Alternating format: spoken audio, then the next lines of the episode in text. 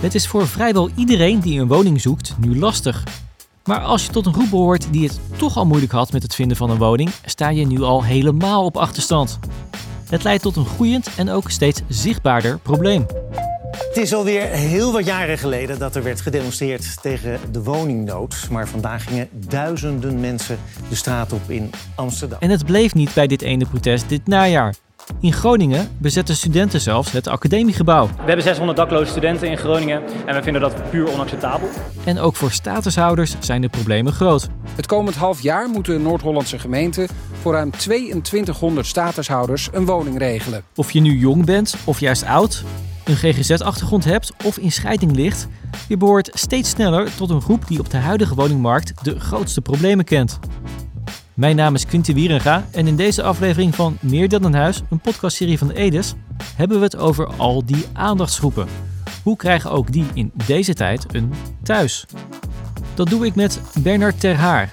Hij leidde een interbestuurlijke werkgroep van verschillende ministeries, gemeenten en Edes die dit jaar kwam met het rapport Een thuis voor iedereen, waarin het juist over deze groepen gaat. En met Marleen Dame. Zij is wethouder gezondheid, jeugdzorg en welzijn in Leiden. Ik begin bij haar. Ik spreek haar op het gemeentehuis. En dan is mijn eerste vraag: wat is het woningtekort in Leiden? Goede vraag. Ja, we hebben wel um, woningprognoses. En als je kijkt naar de regio Holland-Rijnland, dat zijn 13 gemeenten, dan moeten er komende he, tot 2030 uh, ook 30.000 woningen bij. En wij hebben in ons beleidsakkoord, uh, dat loopt tot volgend jaar 2022 gezegd, wij moeten 8.500 woningen bijbouwen binnenstedelijk en 2700 studenteneenheden. Dus meer dan 10.000 woningen in Leiden. Een stad die na Den Haag uh, de grootste adressendichtheid kent. Dus een hele opgave. Ja. En die woningen zou je liefst vandaag hebben in plaats van morgen? Ja, die hadden ja, gisteren. Want we hebben de prognoses zijn door de provincie bijgesteld. En dan blijkt eigenlijk dat waarschijnlijk het tekort groter is dan wij vier jaar geleden zagen. Ja. Leiden heeft dus veel woningen tekort. Dat geldt natuurlijk voor alle groepen woningzoekenden. Maar zeker bij het huisvesten van de aandachtsgroepen moet de gemeente dus nu extra creatief zijn. Bij die aandachtsgroepen speelt in heel Nederland wel gelijk een probleem. De overheid weet eigenlijk niet om hoeveel mensen het gaat, zegt Bernard Terhaar. Nee, sommige, sommige groepen hebben we wel in beeld, maar heel veel groepen eigenlijk dus niet. Uh, demografisch weet je al hoeveel ouderen uh, er zijn, en dus ook hoeveel 80-plussers en hoeveel 90-plussers. Uh, en weten we inmiddels ook wel ongeveer wat die uh, wat hun zelfredzaamheid is en, waar en wanneer ze ondersteuning nodig hebben. Nou, vaker dan ze op dit moment krijgen, heel eerlijk gezegd. Uh, ik was zelf nogal verbaasd over het hoge aantal 90-plussers wat nog steeds zelfstandig woont. Dan denk ik van ja, het zou toch wel handig zijn als die mensen in een beetje een soort groepsomgeving terecht zouden kunnen komen waarbij ze makkelijker problemen die zich voordoen ondersteund kunnen worden. Maar dat geldt veel minder voor bijvoorbeeld de arbeidsmigranten en de bijna daklozen, zegt hij. Daar weten we een stuk slechter van hoeveel het er zijn. En ook de dakloze jongeren zijn in de statistieken vooral een mysterie. En dat valt ook wel te verklaren. Als iemand dreigend een sociaal probleem is, dan is het ook wel vrij logisch dat je dat niet heel erg scherp hebt. Maar er zijn op, op, een gegeven moment waren er ook heel veel, en dat is nog steeds zo, heel veel jongeren zoek. Die uh, laten zich uitschrijven om hun moverende redenen. Uh, maar ze zijn zeer vermoedelijk nog wel gewoon in Nederland. Uh, maar niemand weet eigenlijk precies uh, waar ze zitten. En ze zitten in ieder geval niet meer in de overheidssystemen. Groepen die zoek zijn of waarvan we niet weten hoe we ze precies moeten tellen dus. Terwijl je er bij die aandachtsgroepen juist op tijd bij moet zijn, zegt hij, anders krijg je de rekening later gepresenteerd. Bijvoorbeeld uh, als je een, relatief kwetsbare jongere laat wegzakken in, in dakloosheid en, en andere sociale problematiek, schulden vaak ook, soms ook criminaliteit, dan heb je daar soms tot uh, last van tot ze, tot ze met AOW gaan, zeg maar. Dus voor, dat, ze dus niet, als het niet lukt om een zelfstandig bestaan op te bouwen, dan heeft dat heel vaak langdurige consequenties. Uh, terwijl je met, ja, dus met, een, met, een, met een beetje slimme ingreep aan het begin van hun, van hun volwassenen zijn, uh, dat ook kunt voorkomen. En mensen dus juist wel op een, op een route kunt zetten die, die maakt dat ze zelfredzaam zijn, goed kunnen participeren in de samenleving. En daarmee voor, zich, voor hun en, en voor anderen dus ook eerder een plezier zijn dan, dan een last. Dat we niet altijd weten om wie het gaat, maakt het ook lastig voor een gemeente. Want voor hoeveel mensen moet eigenlijk een oplossing worden gezocht? Bij één groep weten ze dat wel heel precies. De statushouder die recht heeft op een woning. Dus het meest recente programma wat we in Leiden ook gestart zijn, is uh, een programma om te kijken of we statushouders in tijdelijke uh, woonplekken kunnen huisvesten omdat we zien dat de reguliere woningvoorraad van de corporaties, hè, die hebben als, wij krijgen een taakstelling. In Leiden is dat voor dit jaar 174. Bijna eens zoveel als het jaar daarvoor. En dat moeten die, uh, de, de woningcorporaties moeten de mensen huisvesten. Uh, maar dat zijn diezelfde woningcorporaties die wachtlijsten van zes tot acht jaar hebben voor bepaalde groepen. Um, dus we zien gewoon dat het knelt. En we hebben met de corporaties afgesproken, ja, als meer dan 25% van de instroom in jullie woningen aandachtsgroepen zijn, ga ik ze maar netjes noemen naar aanleiding van het rapport, want ik vind dat wel een, eh, een mooi woord. Uh, dan gaan we met elkaar om tafel om te kijken of er wat extra's moet. Nou, dat hebben we gedaan en we hebben geconstateerd, we moeten om um, ja, de, de, tijdelijke nood te ledigen, ook in afwachting van allerlei extra woningen die we toevoegen in de stad, ook sociaal uh, tijdelijke voorzieningen treffen. Dus daar zijn we nu heel hard mee aan de slag. En dan toch de vraag: waarom zeg je niet gewoon tegen de woningcorporatie: regel een plek voor die 174 statushouders? Ja, omdat we nou, in de eerste plaats omdat het een goede partner van ons is, die wij voor heel veel opgaven in de stad nodig hebben. Dus zomaar zeggen van, nou ja, uh, uh, zorg er maar voor dat je die mensen huisvest, zou misschien voor ons heel makkelijk zijn. Maar dat is niet de manier waarop we willen samenwerken. En ten tweede, het is niet voor niks dat we die signaalwaarde van die 25% hebben afgesproken. Wat we zien is dat als we niet oppassen, uh, we alle aandachtsgroepen terechtkomen in dezelfde wijken. Vaak wijken waar de leefbaarheid al best wel onder druk staat en, en kwetsbaar is. Uh, en uh, jij je ook tegen de mensen op de wachtlijst maar niet kunt blijven zeggen: blijft u maar langer wachten, want er gaan allerlei andere groepen voor. En ik heb zelf ook gemerkt, en ook in gesprek met de corporaties gehoord, ja, de verschillen tussen de aandachtsgroepen die nu geen woning hebben en de mensen die in de woningen van de corporaties uh, wonen, is echt niet altijd zo groot. Hè. Het is maar net of je pech hebt gehad dat je bijvoorbeeld ineens dak- en thuisloos bent en daarvoor misschien wel in die sociale huurwoning woonde. Um, of omdat je 18 bent geworden en je ouders vanwege de kostendelersnorm zeggen als ze een uitkering hebben, dan nou, ga zelf maar wat zoeken. Want uh, als jij hier blijft wonen, gaat mijn uitkering omlaag. Dus uh, wij willen graag uh, diverse wijken en we willen ook graag krachtige wijken, dat daar mensen die wat extra aandacht nodig hebben komen te wonen. Dus het zomaar zeggen, los het op en we stoppen het in jullie woningvoorraad. Nou, het doet ook wat met het draagvlak in de samenleving, maar het doet ook wat met de leefbaarheid van de wijken. Dus dat is niet waar wij voor kiezen. Draagvlak en leefbaarheid zijn dus ook hier belangrijke argumenten. Leiden zet volop in op tijdelijke huisvesting als deel van de oplossing, ook omdat bijbouwen simpelweg te lang duurt.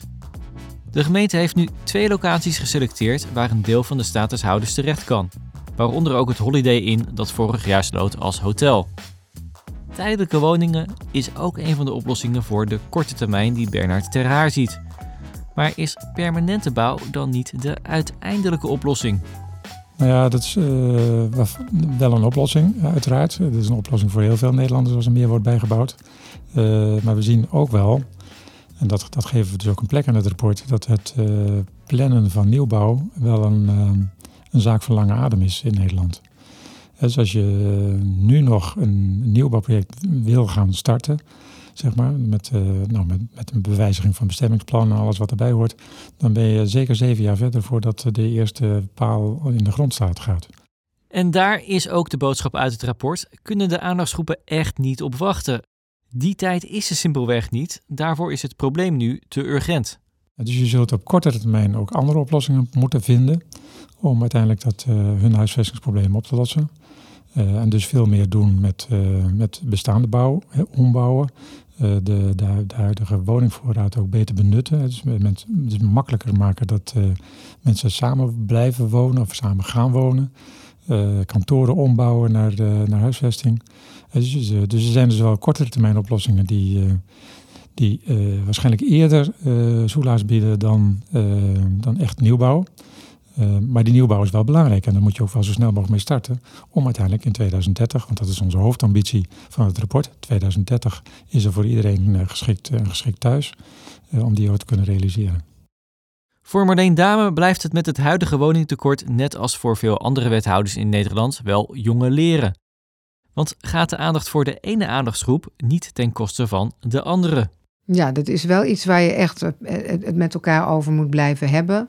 Want ik vind een groep die vaak het onderspit delft in de, in de urgentie die we echt hebben voor, uh, voor de statushouders. Hè? Want je krijgt een quotum en je moet ze huisvesten. Uh, of je wil echt die uitstroom uit de maatschappelijke opvang uh, snel voor elkaar krijgen. Want die zit bij ons ook veel te vol. Dus mensen moeten uitstromen naar een ander huis. Hebben we ook nog de groep senioren. Um, nou, we hebben een onderzoek gedaan onder, onze, onder de ouderen in onze stad. of ze in een geschikte woning wonen om zelfstandig ouder te worden. Ja, dan zien we daar toch een behoorlijke mismatch. Um, en, en wat je heel graag zou willen, is dat er doorstroom op gang komt. Hè? Dus dat ouderen die nu in een grote eensgezinswoning wonen, doorstromen naar een kleiner appartement. Uh, dat kan uh, sociale woningbouw zijn, maar dat kan ook koop zijn. Of dat ze, uh, hun woning goed aangepast kan worden. En daar is nou, ook in onze stad heel veel te doen. Zeker de komende jaren, waarop bij sprake is van een dubbele vergrijzing.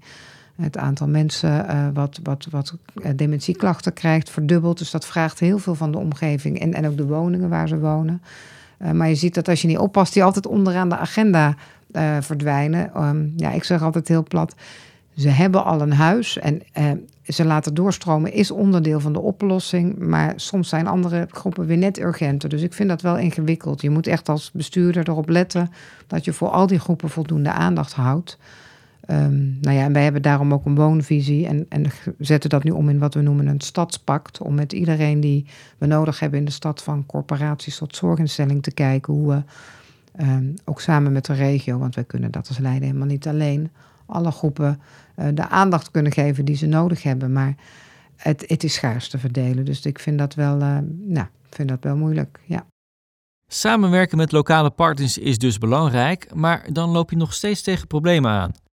Soms zitten de landelijke regels je namelijk in de weg, ziet Bernard Ter Haar. Een van zijn belangrijkste adviezen is: voorkom dat mensen tot een aandachtsgroep gaan behoren. Wees de problemen voor. En daar heeft hij ook wel een praktisch voorbeeld bij.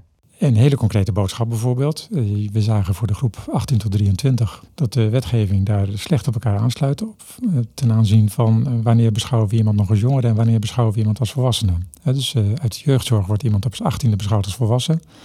Uh, maar op de arbeidsmarkt wordt iemand pas op zijn 23ste voor vol aangezien als het gaat om het, het realiseren van een, van een looninkomen. Ja, er zit dan een kloof waarin het uh, voor wat, met name de wat kwetsbare jongeren heel moeilijk is om zelf aan voldoende financiën te komen om uiteindelijk huisvesting te kunnen financieren. en huisvesting die ook nog bij, bij hem past en ook bij dat inkomen past. Hè. Zeker omdat dus de hele nou, de goedkope huisvesting eigenlijk niet of nauwelijks ergens, ergens meer in Nederland beschikbaar is. Uh, nou, dan hebben ze dus, verdienen ze onvoldoende geld. Als er eh, bijstand nodig is, is ook die bijstand onvoldoende. En als er dus dan als iets, in iets duurdere huisvesting terechtkomen, dan hebben ze een huurtoeslag nodig. En die is ook niet beschikbaar voor die leeftijdscategorie. Uh, ja, dan val je dus enorm tussen van een schip. Het Rijk moet hierin het voortouw nemen. Leg alle regelgeving naast elkaar en zorg voor een helder regime. Zijn voorstel is: leg de grens in al die regelgeving op 21 jaar. En kijk wat je extra kan doen voor de groep tussen 18 en 21. Een oplossing dus die je op de korte termijn al kan realiseren. En die korte termijn oplossingen, daar hebben ze ook in Leiden wel ideeën bij. Waar wij in Leiden ook weer uh, mee bezig zijn, is het mogelijk maken dat als je dan uh, grotere huizen hebt, om daar dan meerdere mensen in te plaatsen en dat makkelijker te maken. En volgens mij staat dat ook in het rapport van Ter Haren. Dus voor corporaties is het op dit moment heel lastig. Hè? Soms hebben ze wel een gezinswoning, maar hebben wij vier alleenstaande te plaatsen. Ja, dan mogen wij niet zeggen, goh, laten we die vier in die gezinswoning doen. Dan staan ze wel op de wachtlijst. Dus uh, dat makkelijker maken. Uh, maar ook, hè, we hebben bijvoorbeeld nu een project Kamers met, uh, met aandacht, heet dat. Dan vragen we mensen in de stad: Heeft u een plekje over voor een jongere die net 18 is geworden en nog een beetje hulp nodig heeft bij, uh, bij het, ook, hè, een soort oude hospita-idee is dat eigenlijk, hè, met het op eigen benen staan, uh, biedt dat aan. Um, ja, ook dat weer makkelijker mogelijk maken. Maar geeft ze hierbij eerlijk aan, dat laatste project loopt op dit moment nog niet storm. Ze vraagt zich ook af of dat niet een probleem is van de huidige samenleving.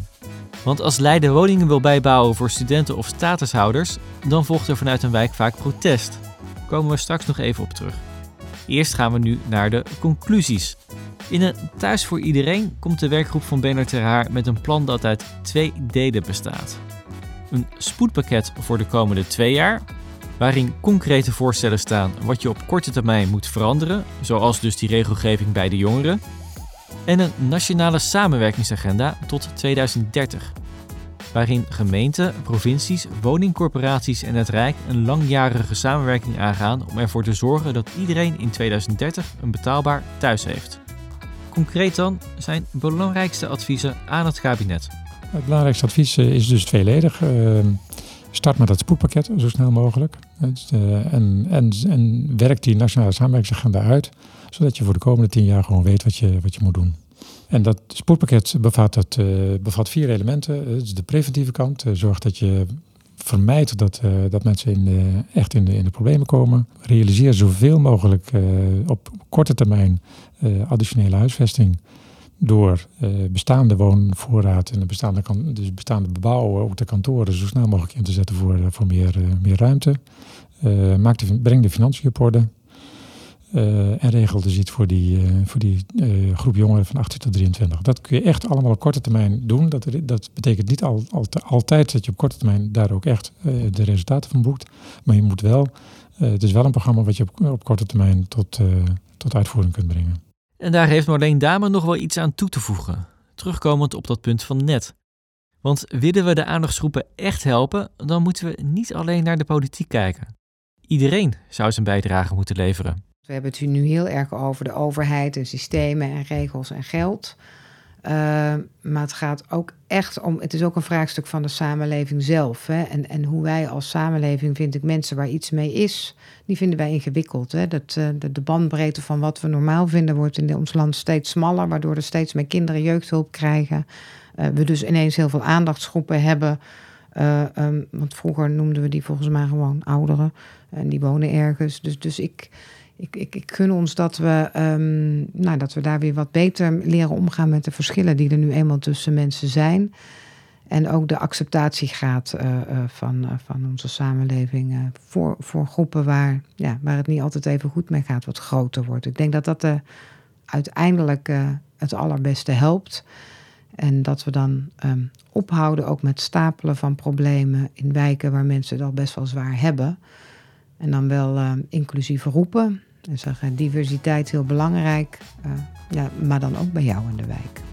Aandachtsgroepen hebben het dus extra lastig op die toch al bijzonder moeilijke woningmarkt. Maar met de inzet van iedereen is er zowel op de korte als lange termijn nog wel veel winst te behalen. Dit was het voor deze aflevering van Meer dan een huis, een podcastserie van Edes. Mijn naam is Quintin Wierenga en heb je nog niet alle afleveringen van deze serie geluisterd? Ga dan naar de website van Edes of zoek ze op in je favoriete podcast-app.